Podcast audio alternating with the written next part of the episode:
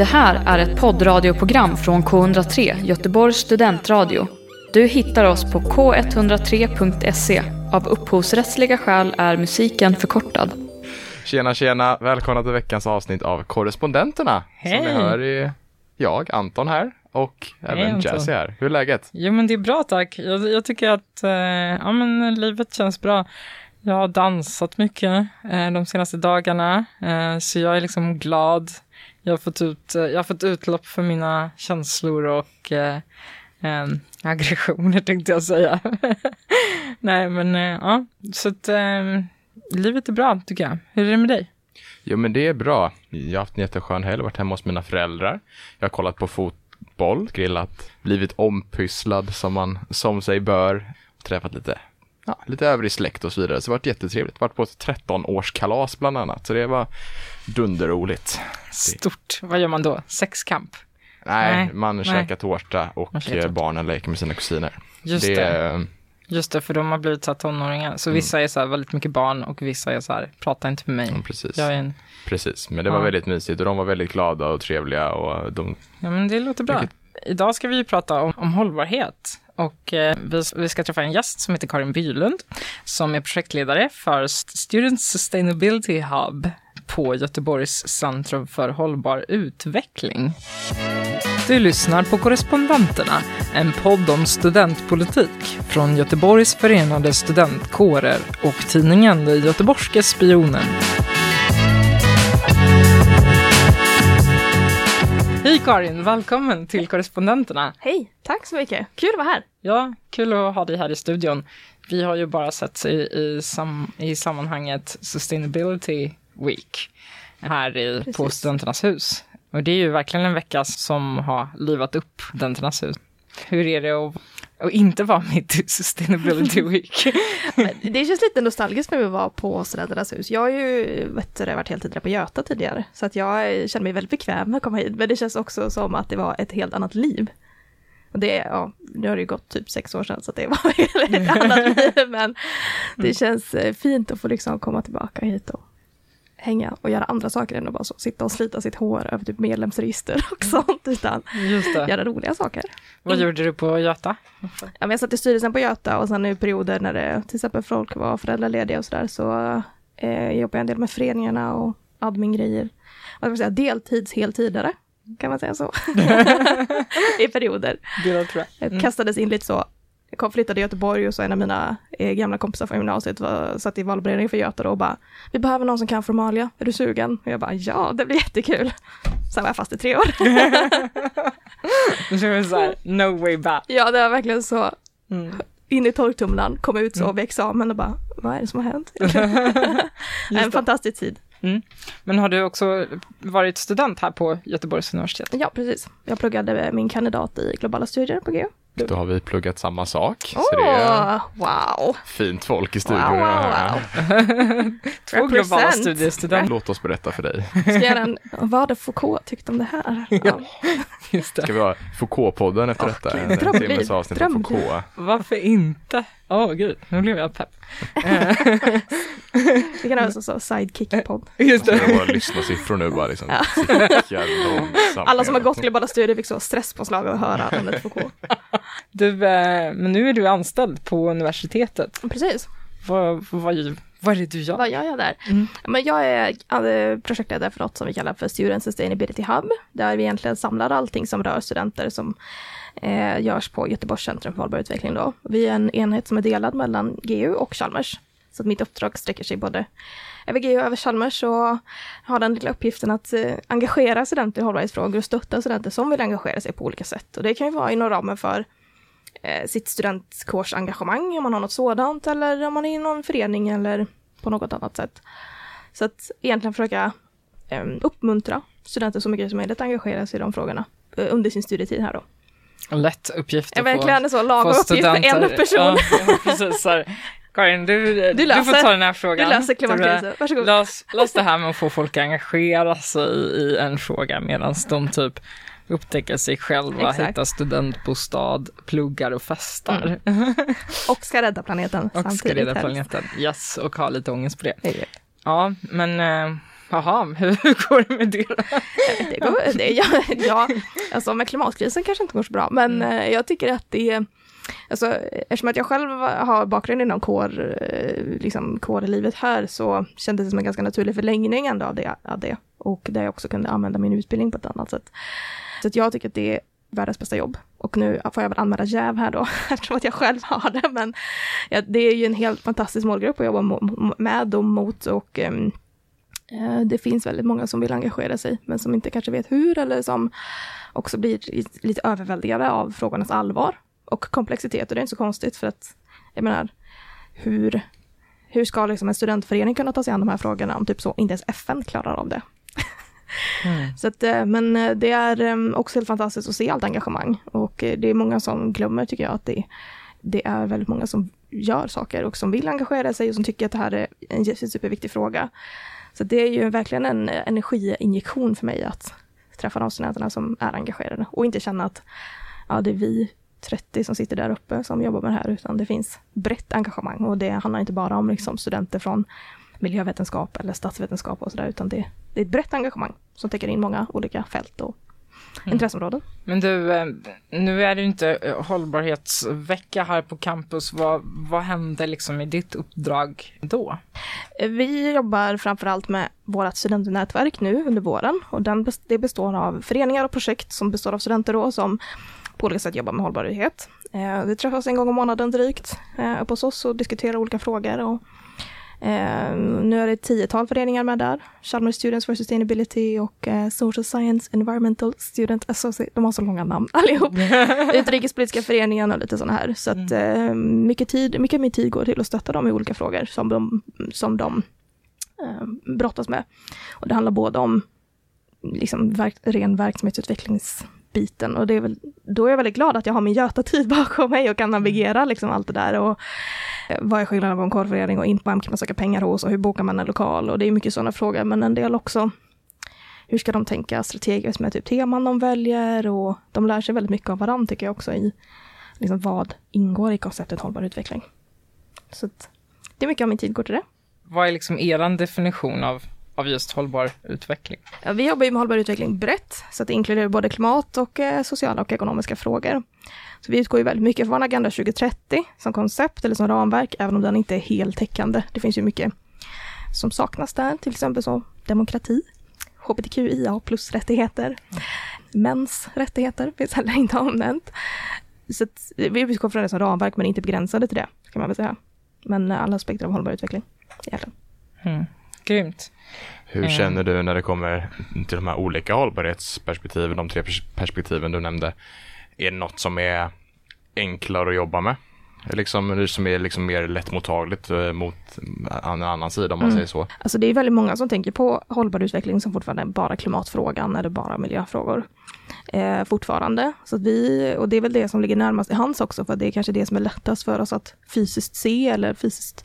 Det är någonting som, alltså när vi jag gick på typ lågstadiet så pratade vi om liksom växthuseffekten redan då. Eh, och man pratar inte om sociala frågor som ett, liksom, ett globalt utvecklingsproblem, utan det var så här, åh, det finns fattigdom i Afrika.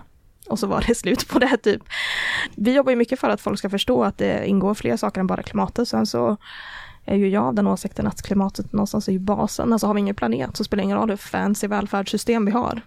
Alltså vi behöver, eh, planeten måste ändå värnas om primärt. För att vi ska kunna bygga allt det andra. Det är omöjligt för oss att nå liksom, social rättvisa där om vi inte också stävjar klimatkrisen. För det är så mycket som, mycket av klimataspekten som driver på sociala orättvisor eller bara matförsörjningsfrågor eller fattigdomsfrågor och sådär också. Vi har ju en regering som har lagt ner klimatdepartementet. Har det påverkat, hur har det påverkat ditt arbete?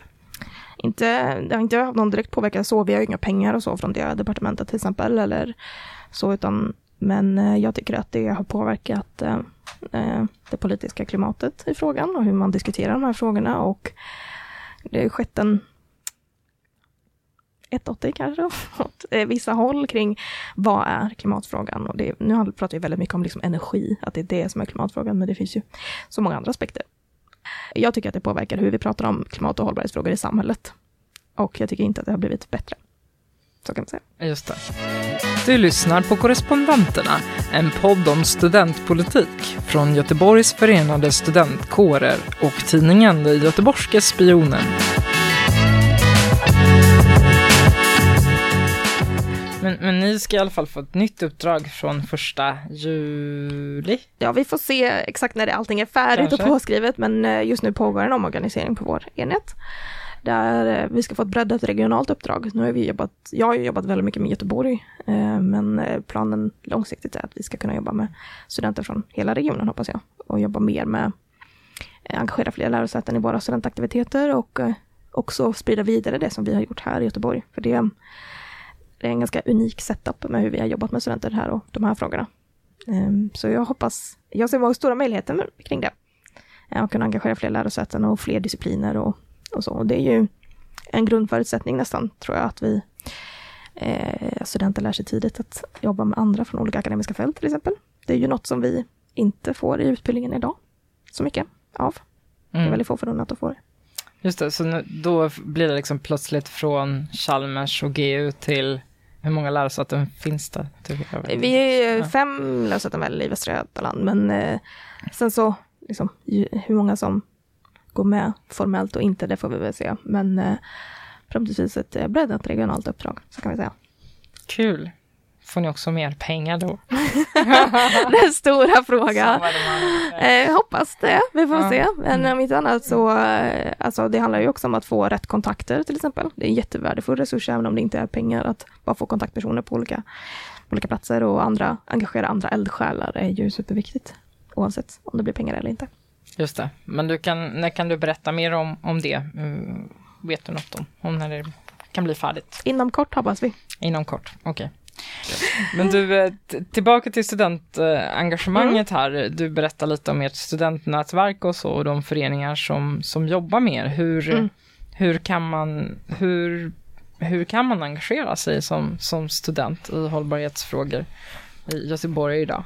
Jag skulle säga att det finns många olika sätt och det beror nog väldigt mycket på vad man själv har för intresse och kanske också lite erfarenhet innan. Men det finns ett antal hållbarhetsföreningar som är på campus. Som, eh, och vissa av dem jobbar ju liksom med Agenda 2030 brett, med, med alla globala mål och vissa av dem jobbar mer smalt, kanske med matfrågor eller jämställdhetsfrågor eller sådär. Vi har en eh, förening som driver en stadsträdgård uppe på campus Linné på GU, Linnéplatsen. Så de jobbar ju väldigt mycket kring matfrågor och, och eh, den aspekten medan andra, ja men Chalmers Students for Sustainability jobbar ju mycket mer bredare om hållbar utveckling, men också kanske mer avsmalnat mot liksom, ingenjörsstudenter och, och den typen av aktiviteter som de eh, intresserar sig av. De har gjort väldigt mycket kring eh, cykel, cykling, cyk, cykel, cyklar. För eh, tre veckor sedan nu så hade de en jättestor dag som heter Recycle där de samlar in cyklar från de olika studentbostäderna, eller de studentbostadsägarna och sen så fixar de dem och delar ut det till studenter. Och de delade ut 250 cyklar tror jag då, den dagen. Mm. Så det är ju eh, ett helt fantastiskt engagemang och att man driver det på helt liksom, ideella krafter och typ inga pengar alls. Det är helt fantastiskt tycker jag. Så det är ett sätt att liksom, engagera sig i en förening som jobbar med de frågorna och kanske på det sättet lära sig mer och eh, också lära sig ja, men mer kring applicerad kunskap. Eh, många av oss får ju väldigt teoretiska utbildningar här. Ehm, men sen så finns det ju en hel rad eh, studentrepresentantsposter också som man kan söka. Och jag tycker ju att studentrepresentant är typ det finaste som finns. Jag anmäler jävar då från min Göta-tid, men det är ett jättebra sätt att påverka lärosätet och vara med i de diskussionerna där de här besluten fattas. Så att, Eh, och nu gissar jag på att det kanske finns några sådana kvar, både på GU och kanske även på Chalmers för nästkommande verksamhetsår. Sök dem. Alltså det är ju, man har ju lika mycket rösträtt som alla andra som sitter i de råden eller, eh, eller kommittéerna. Så att jag tycker att det är ett jättebra sätt att driva på lärosätet eh, på ett mer formellt sätt. Där har man ju verkligen möjlighet att sitta i liksom, maktens rum och bestämma. Så det är ju massa saker man kan göra inom ramen för liksom, sin studenttid, men det finns ju en uppsjö av olika föreningar även utanför lärosätets många väggar. Mm. Eh, Naturskyddsföreningen och Greenpeace, och liksom, det finns ju hur många sätt som helst. Eh, Men sen det största man kan göra är ju att fundera över sin egen livsstil såklart. Det är det här den största inverkan har egentligen. Vad konsumerar man, vad äter man? Eh, Ja, vilka typer av krafter stödjer man i sociala medier och annat också? Hur samarbetar ni med, med studentkårerna? Hur finns ni till att stötta dem eller liksom hur, Ja, alltså vårt stöd är ju inte avgränsat till liksom, studentföreningar, utan eh, är man en kår eller en sektion på en kår och vill ha hjälp med de här frågorna så är vi lika mycket en resurs för dem. Eh, sen så kan ju jag aldrig, alltså det måste ju ske på studentkårernas initiativ. Eh, det är ändå de som har rätt själva att bestämma kring sin egen verksamhet och eh, jag eh, vill inte lägga mig i det heller och ska inte det. Det skulle kännas jättekonstigt om så universitetet kom och bara, ni måste driva den här frågan. Det känns inte riktigt rätt. Eh, men den resursen finns såklart och den har ju utnyttjats på olika sätt under året. Eh, eller under åren som jag har jobbat. Eh, vi har hållit en del workshoppar för till exempel studentrepresentanterna i kårbolagen på Chalmers tidigare år. Vi har pratat om hållbarhetsintegrering och så att den resursen finns ju om man vill nyttja den. Och där vi anpassar oss efter det behovet som man har. och det är ju en kostnadsfri resurs. Det kanske här räknas som reklam, jag vet inte, sponsrat inlägg.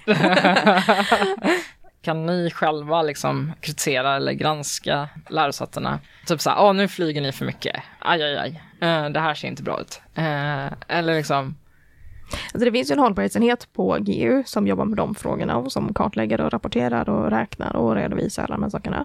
Så det är ju de som har bäst koll på de siffrorna. Sen så kan ju inte vi kanske driva opinion mot vårt eget, vårt eget lärosäte. Däremot så gör ju väldigt många studenter det. Så är det ju. Eh, inte minst studentkårerna, ju många frågor. Mm, och det finns ett antal studentföreningar som har gjort det genom åren också, ganska hårt eh, i vissa frågor kring eh, våra fossila utsläpp och flygningar, inte minst. Där har ju klimatstudenterna varit väldigt, väldigt aktiva de senaste åren och gjort olika aktioner och sådär. Så att eh, ja, det är lite blandat ändå, alltså, så vigla upp massorna samtidigt som man själv ska vara mottagare av det som de sen säger. Eh, men eh, det är ju någonstans så förändring sker också, tänker jag, att eh, vi måste ha de samtalen och alla vi behöver granska varandra eller så. Kanske var politikersvar, jag vet Ja, nej det är okej, det är okej, jag, vet, jag vet inte, jag var inte så, men jag tänkte... Snälla skär inte min finansiering ju. Precis, vi har ju rapporterat lite om den här eh, rapporten med klimatstudenterna mm. där, GIO var bäst då. Mm. För att vi har flugit mindre mm. i och med pandemin ja. liksom, uh, så. Uh, men nu kanske det finns en risk för att det kommer öka igen. Ja. Eller så har vi liksom lärt oss något nytt då, att man inte måste flyga för att samarbeta eller träffas eller ibland måste man det. Men, men jag tror att acceptansen för digitala möten har ju ökat liksom generellt. Så att alltså jag reser inte alls lika mycket i min tjänst ens, alltså mest i Sverige då tidigare ändå, men alltså att det här åka till Stockholm över dagen sker ju inte längre. Och det är så skönt. Att inte behöva gå upp fyra på morgonen och ta tåg klockan sex och stanna hemma elva på kvällen liksom. Mm. Sen bränna av det på Zoom i två timmar och sen är det klart. Ja, det är väl också en annan slags hållbarhet. Ja, verkligen. Jag förutom utsläpp. Att, ja, absolut. Det också handlar om, om mänsklig, eller... Vår tid. Ja. Alltså. Mm, mm. Sen så tror jag att den här rapporten från um, klimatstudenterna, visst, vi ligger högst i rankingen, men det betyder inte att vi är klara på något sätt, eller att det kanske säger mer om de andra än om oss, skulle jag säga, tyvärr säga. Sen, är vi, sen gör GU väldigt mycket bra saker, men vi har också en lång väg att gå, precis som väldigt många andra myndigheter och lärosäten. Så det är kanske mer de andra som ska fundera lite över sin position. Än att, än att, vi ska stå där och bara, vi är, vi är bäst i klassen i en ganska dålig klass. ja, det är nog det, det var det klimatstudenterna kommenterade, att, så, mm. att nej, bara för att man är bäst betyder inte att man är bra. nej, tyvärr. Eller så. Tyvärr. Ja. Mm. Vi, är mycket, vi har en lång väg att gå. Ja. Ja. Och det, alltså det är ju ett, också ett systemfel för hela liksom, akademiska världen, att vi, det är väldigt meriterande att resa mycket, till exempel, och presentera och eh, vad, vad har man för alternativ då om man är ung forskare och vill liksom meritera sig? Mm. Ja, alltså det där, man, det, finns, det finns mycket i det systemet som vi behöver fundera över utifrån ett hållbarhetsperspektiv också. Och att det ska behöva bli lättare för oss att boka tågresor till exempel i Europa när vi behöver resa. Det är inte så lätt idag som anställd. Mycket, kräver mycket handpåläggning själv. Just det. Och har man inte den tiden, ja, då Mm. Det var förstår jag att det blir så. Det finns liksom inte i, i de här bokningssystemen? Nej, Nej. Inte, mm. inte vad jag känner till i alla fall. Eller mm. det går ju att kringgå och få hjälp, men det mm. kräver ganska mycket av dig. Du lyssnar på Korrespondenterna, en podd om studentpolitik från Göteborgs förenade studentkårer och tidningen Den Göteborgske Spionen. Nu pratar vi väldigt mycket om ganska stora frågor. Både utsläpp som är kanske egentligen internationella frågor mm. eller internationella frågor och myndighetsvärden är ju statliga frågor. Ja. Jag tänker hur påverkar ni lokalt? Hur arbetar ni i Göteborg? Jobbar ni mot politikerna här? Jobbar ni mot näringslivet? Eh, gör ni något sånt? Alltså på, på Göteborgs centrum för hållbar utveckling då, det längsta namnet i hela världen. Men eh, jag jobbar ju väldigt isolerat med studenter, men det finns ju många andra av mina kollegor som jobbar mer med staden och med andra aktörer som är utanför lärosätena. Där vi har ett eh, nätverk som heter Agenda 2030 Väst, som, eh, där vi engagerar personer från både idéburen, privat, offentlig och akademin akademisk sektor, säger man så? Ja, men kvadrupel helix. Och där, alltså vi vill ju mer hjälpa de här olika aktörerna att hitta varann och göra saker tillsammans. Och för, alltså det är någonting som vi tror på så är det att för att kunna göra så skillnad i de här frågorna så behöver vi göra det tillsammans. Vi gör, behöver liksom samla oss kring de frågorna. Det är väldigt svårt för en isolerad, till exempel ideell organisation att liksom förändra på i stort eller ett enskilt företag. Det är ju systemfrågor det handlar om och då behöver vi vara många krafter från olika fält som, som, som gör saker tillsammans. Så på det, på det sättet så, eh, så som jag samlar studenter, att de får lära sig av varandra, så försöker andra nätverk då samla andra aktörer som kan ha de samtalen och som kan komma fram till bra vägar framåt tillsammans. Och där finns ju staden med eh, på olika sätt och även i vissa av nätverken även politiker som ju fattar beslut. Och mm, det finns ju många andra instanser också där politikerna har kontakt med forskare till exempel i de här frågorna, även om det är utanför vårt uppdrag. Men mer och mer sånt dyker upp. Det finns ett eh, forskarråd för Västra Götalands region. Om det är Länsstyrelsen eller om det är region, jag minns inte. Men där man har ju forskare som djupdyker i olika förslag och sådär. Och det är ett jättebra sätt tycker jag att få in vetenskapen, för det är någonstans det vi behöver. Och, eh, det finns många andra problem med liksom, det politiska systemet också, som gör att det är så svårt att driva de här frågorna, för att vi lever liksom i fyra års cykler. Och vad som händer efter det, det är typ ingen som bryr sig om. Det, ja, det man bryr sig om är så här, får vi ha kvar den här stolen? och det, då blir det det viktigaste än att göra bra politik ibland för samhället i stort. Men det är så systemet är uppbyggt, så jag förstår att det blir så också om jag som studentförening vill liksom öka medvetenheten kring att jobba med, med hållbarhet och så, vad kan vara liksom en, en väldigt konkret fråga att komma med till dig? Men om man är en förening som vill göra föreläsningar till exempel, eller studiesociala aktiviteter med fokus på hållbar utveckling, hur, hur väljer man in, eller hur, hur väljer de en bra bredd av teman så att vi täcker in många olika aspekter? Det är någonting som vi pratar mycket om, så alltså att det inte bara blir, ja, nu hade vi en till lunch om liksom cirkulär ekonomi också är det allt vi pratar om, utan tänka bredd, eh, både bredd och spets samtidigt. Det är väl det som är det svåra, eh, att hitta den balansen och, och eh, göra saker som känns relevant och inte inte så bara dystopiskt. För det, det blir väldigt lätt så när vi pratar om de här frågorna, att det allt vi ser är allt som är svårt och allt som är eh, fruktansvärt som händer. Men vi måste också tänka, okej, okay, men om vi vill ha en hållbar framtid, hur ser den ut? Vad är liksom, hur är ett, ett gott hållbart liv? Hur är ett bra liv i en hållbar värld? Hur ser det ut? Och vad är det för typ av livsstilar som vi har då till exempel? Och jag kan ju tycka att liksom hållbarhets-Sverige är ganska dåliga på att prata om det också, för när vi pratar om framtiden så är det gärna så, ja vi har svävande bilar och solceller på taket och det är lite grönt på något tak. Det är liksom så framtiden bollas fram, men men lika många livsstilar som vi har nu, det är ju tusentals olika livsstilar eh, som vi har, lika många kommer ju finnas i framtiden och alla de tusentals måste få synas och vi måste kunna leva olika. Vissa kanske vill leva helt self-sustaining på någon gård utanför eh, Arvika i västra Värmland och det är okej. Okay. Och vissa kommer väl att bo i storstan. Och det är alla de, hela det spannet måste få finnas. Vi måste prata om hela det spannet. Och inte bara att det är liksom compact living i någon trailer som man har byggt själv av en, liksom, av ett plåtskjul. Utan mm. det finns så, så mycket variation. Och det pratar vi mycket om. Hur kan vi, hur kan vi prata om de här frågorna i ett mer, med den allvarsamma tonen som den kräver, men också på ett mer hoppfullt sätt. Och prata om hur kan den framtiden se ut? Så det är ju liksom, mm. det kanske inte var ett jättekonkret svar, mm. men, men, men det är något vi pratar mycket om och så. För när det kommer till ja men typ, och vi vill göra vårt hållbart med mindre av, eller vårt event med mindre avfall. De flesta vet hur man gör det. De vet att okej, okay, men då kan vi inte ha engångstallrikar, typ. Eller de här är lätt att göra. Mm.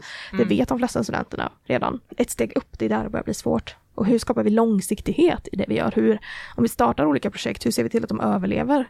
Och det är jättesvårt när man är en studentförening. För att studenter lever liksom i ettårscykler. De flesta studenter. Alltså en, ett av svårigheterna med mitt jobb att liksom, mm. och skärmen, var tredje år så är hela studentpopulationen utbytt. då får man börja om med allting. Liksom. Känner, liksom, Mm. kännedom och marknadsföring och kommunikationskanaler, hela faderullan ska liksom om igen. Eh, Men jag hoppas också att när man lämnar då att man tar med sig lite av det ut i den stora vida världen. Jag vet vilken som är liksom år noll när du ska börja om. Nej men varje år är år noll. varje år är år noll. Eh, varje år. Just det. Ja. Man får tänka så. Det kommer så pass mycket nya studenter varje år. När man är student så det finns 70 miljarder andra frågor som man funderar över. Sin tenta på fredag och vart, ja, vart man ska bo, hur, hur i helvete ska jag råd att bo i den här stan?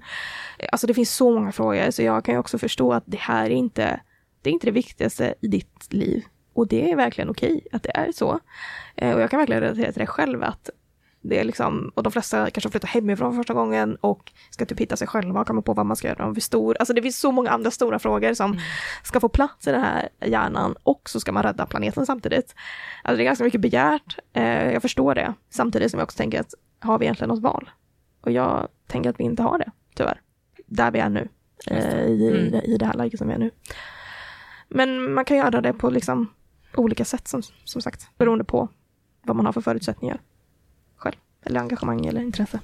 Ja, något annat som jag blir nyfiken på, eller liksom, för nu har vi, vi har ju pratat mycket ekonomi liksom det senaste året och så Mm. inflation, vilket sätt påverkar det att prata om hållbarhetsfrågor? Liksom, spontant skulle jag tänka att så här, ja men då är det lättare att så här, ja vi sparar pengar, alltså Mm. typ köper mindre kött, vi äter mer linser och vi liksom, eh, eh, ja hur, hur tycker du att det har påverkat?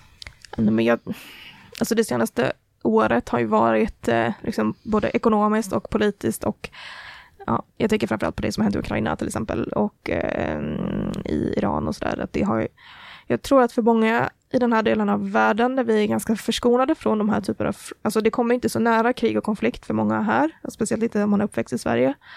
Um, helt plötsligt så förstod man att oj, det här, det här är en verklighet som kommer ganska nära mig och det här är ett reellt problem.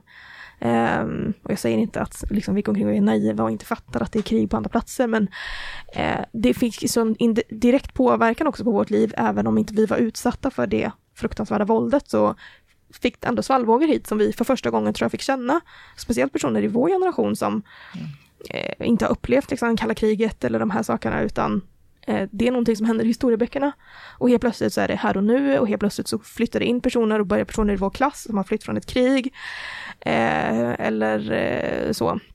Så att eh, på det sättet så har det varit lättare att prata om dem för folk kan relatera till det på ett helt annat sätt och förstår på ett annat sätt hur systemet hänger ihop.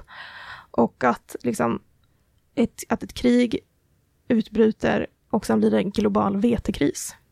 Alltså man, det, här, det här systemet liksom kommer upp till ytan hur allting ser ut och, eh, och det är klart att liksom eh, man, man ska ju verkligen använda det tillfället med fingertoppskänsla och varsamhet att prata hållbarhet i relation till det som har hänt. Man ska inte heller liksom utnyttja det tillfället till max på ett osmakligt sätt. Men däremot så har det fått många att fundera över, okej men hur konsumerar jag egentligen? När, pengarna, när det är tajt om pengar, vad är det jag lägger mina pengar på och hur, hur ska jag tänka kring min matkonsumtion till exempel framöver? Vad är det ja, kring matsvinn på en sån sak? Kommer det finnas de här sakerna som jag är van i mataffären när jag går dit? Kommer det finnas bröd? Kommer det finnas ägg? Som är ganska basic grejer annars som jag tror att många av oss annars tar för givet. Det har väl blivit mer äkta för många. Du lyssnar på Korrespondenterna, en podd om studentpolitik från Göteborgs förenade studentkårer och tidningen Den Göteborgske Spionen.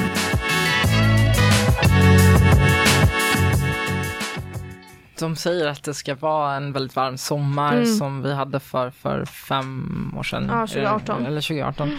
Och, och liksom skogsbränder har vi liksom Precis. redan börjat se av också. Mm. Ja, Bara man tänker så här, vad ja. sen våren var i år. Alltså vad länge vi hade 11 grader och regn. Det är i och för sig jämnt här i Göteborg, men vi kan inte undgå det längre. Alltså jag tror att det har varit lätt för oss att blunda för det här ganska länge och helt plötsligt så är det ytterligare en jättevarm sommar där, där man liksom inser att okej, det här med global uppvärmning, inte så bra, inte så kul att leva i det samtidigt när man inte liksom kan gå ut mitt på dagen för att det är för varmt. Eller att vi inte har någon vinter typ längre. I Skåne blev det ju inte vinter i år till exempel. Eh, och det är betungande och det är allvarsamt men vi måste också hålla kvar vid att vi kan göra någonting åt det och vad, hur ser det ut då? Alltså vi kan inte fastna i det här, okej, okay, livet suger och det är kört. För då kommer det vara kört. Vi måste kunna upprätthålla en känsla av att det går att göra någonting åt det. Även om den förändringen kommer vara jobbig och långsam. Men ju längre vi väntar, desto större kommer den förändringen behöva bli för alla oss. För jag tror att de flesta av oss lever ett ganska gött liv nu jämförelsevis med många andra delar av världen. Men att det är en väldigt specifik, eller så här, den här nationen liksom att eh, man pratar lite om, men eh, jag tror att eh, det fanns med i ekonomibyrån, det här begreppet liksom att man, man lever på Alltså att vi, det så här Klarna-generationen mm. liksom, att mm. vi verkligen liksom handlar på kläder på nätet på krita liksom. Mm. Och, eh, och att de sa ju någon så här att 40 att så här, våra returer har ökat med typ 40 procent. Ja, 40 procent av allt som köps online returneras. Ja. Kläder då var det tror jag. Ja. Hur pratar man med, med en sån generation, ja, om någon kommer på det, då får gärna ringa mig så kan vi. Nej men alltså det här är, det är ju också ett symptom av det systemet som vi lever i. Nu kanske jag låter lastgammal här, men eh, jag är ju född på 90-talet då, till skillnad från alla studenter som börjar nu. Nej men att vi, vi är uppväxta med en slit och slängkultur. Eh, man går till låg, eh, de här fast fashion-ställena och så handlar man och så går det sönder om ett eh, halvår och så eh, slänger man det och så köper man något nytt. Det är liksom, det, vi är uppväxta i en sån kultur och det, det handlar både om eh, prylar vi konsumerar men också mat eh, och till viss mån också våra sociala relationer, tyvärr. Och jag läste någon jätteintressant artikel som pratade om liksom nätdating och vad det gör med oss och hur vi påverkas av att känna att okej, okay, men om den här personen säger nej till mig så kan jag swipa vidare så kommer det en ny någon gång. Och att det också gör att vi hanterar våra sociala relationer på ett annat sätt än vad vi gjorde för kanske 15 år sedan när det här inte var lika stort. Vilket är jätteintressant, det kan vi prata mer om en annan gång. Men, men, men, jag vill men, gärna prata mer din, din, eller liksom datingappar och, och parallella till ja, hållbart ja. liv.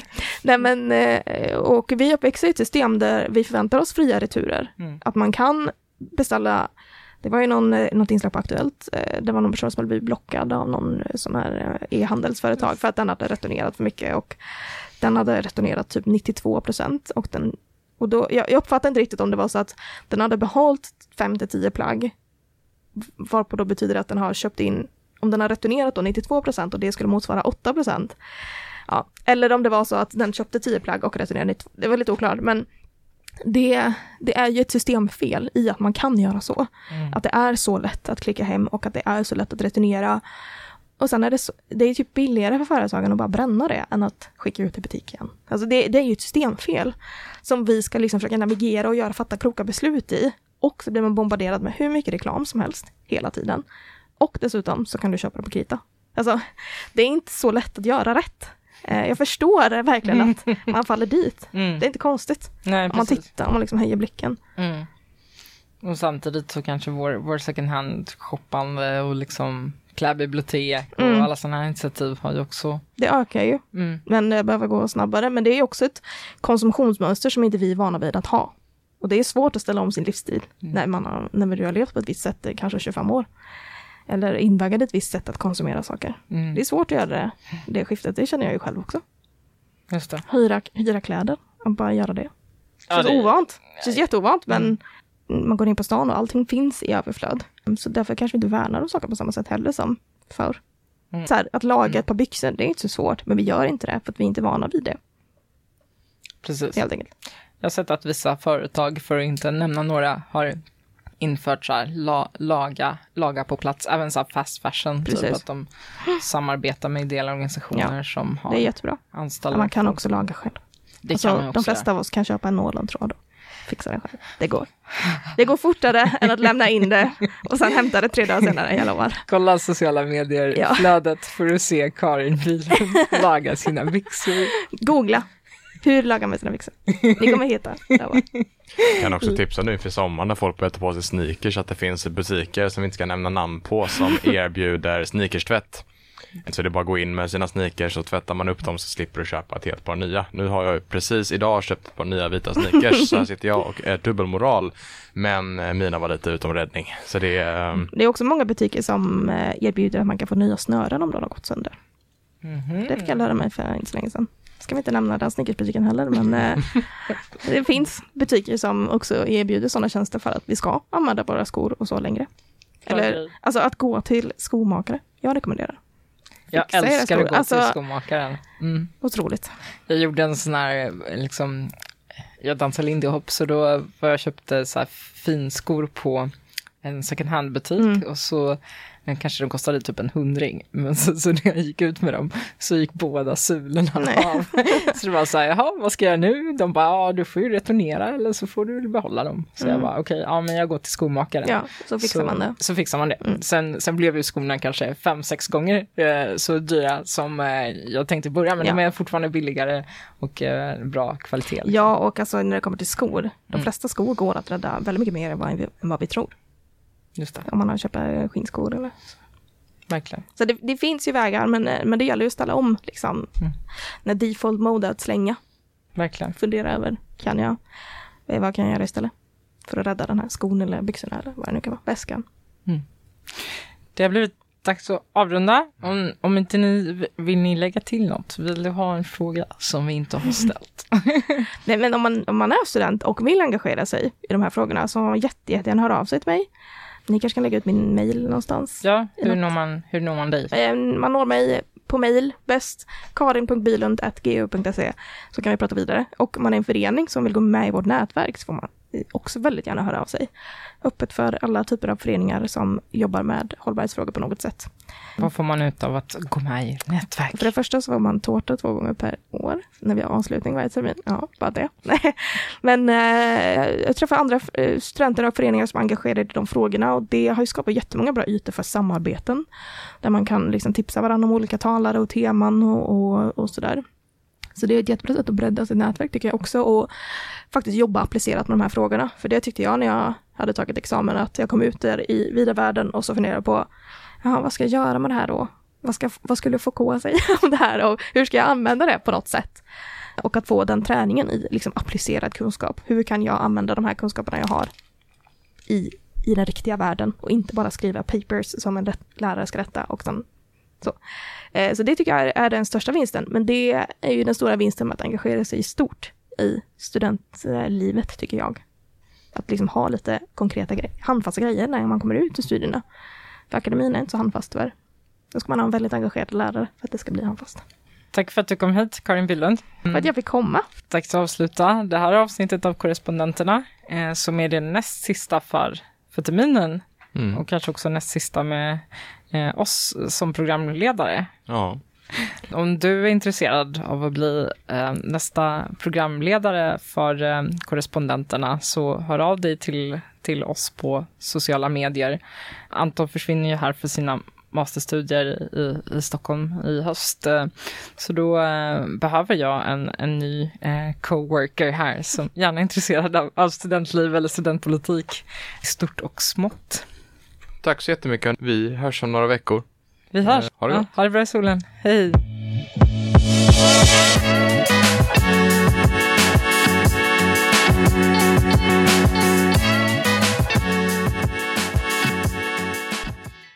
Du har hört en poddradioversion av ett program från K103.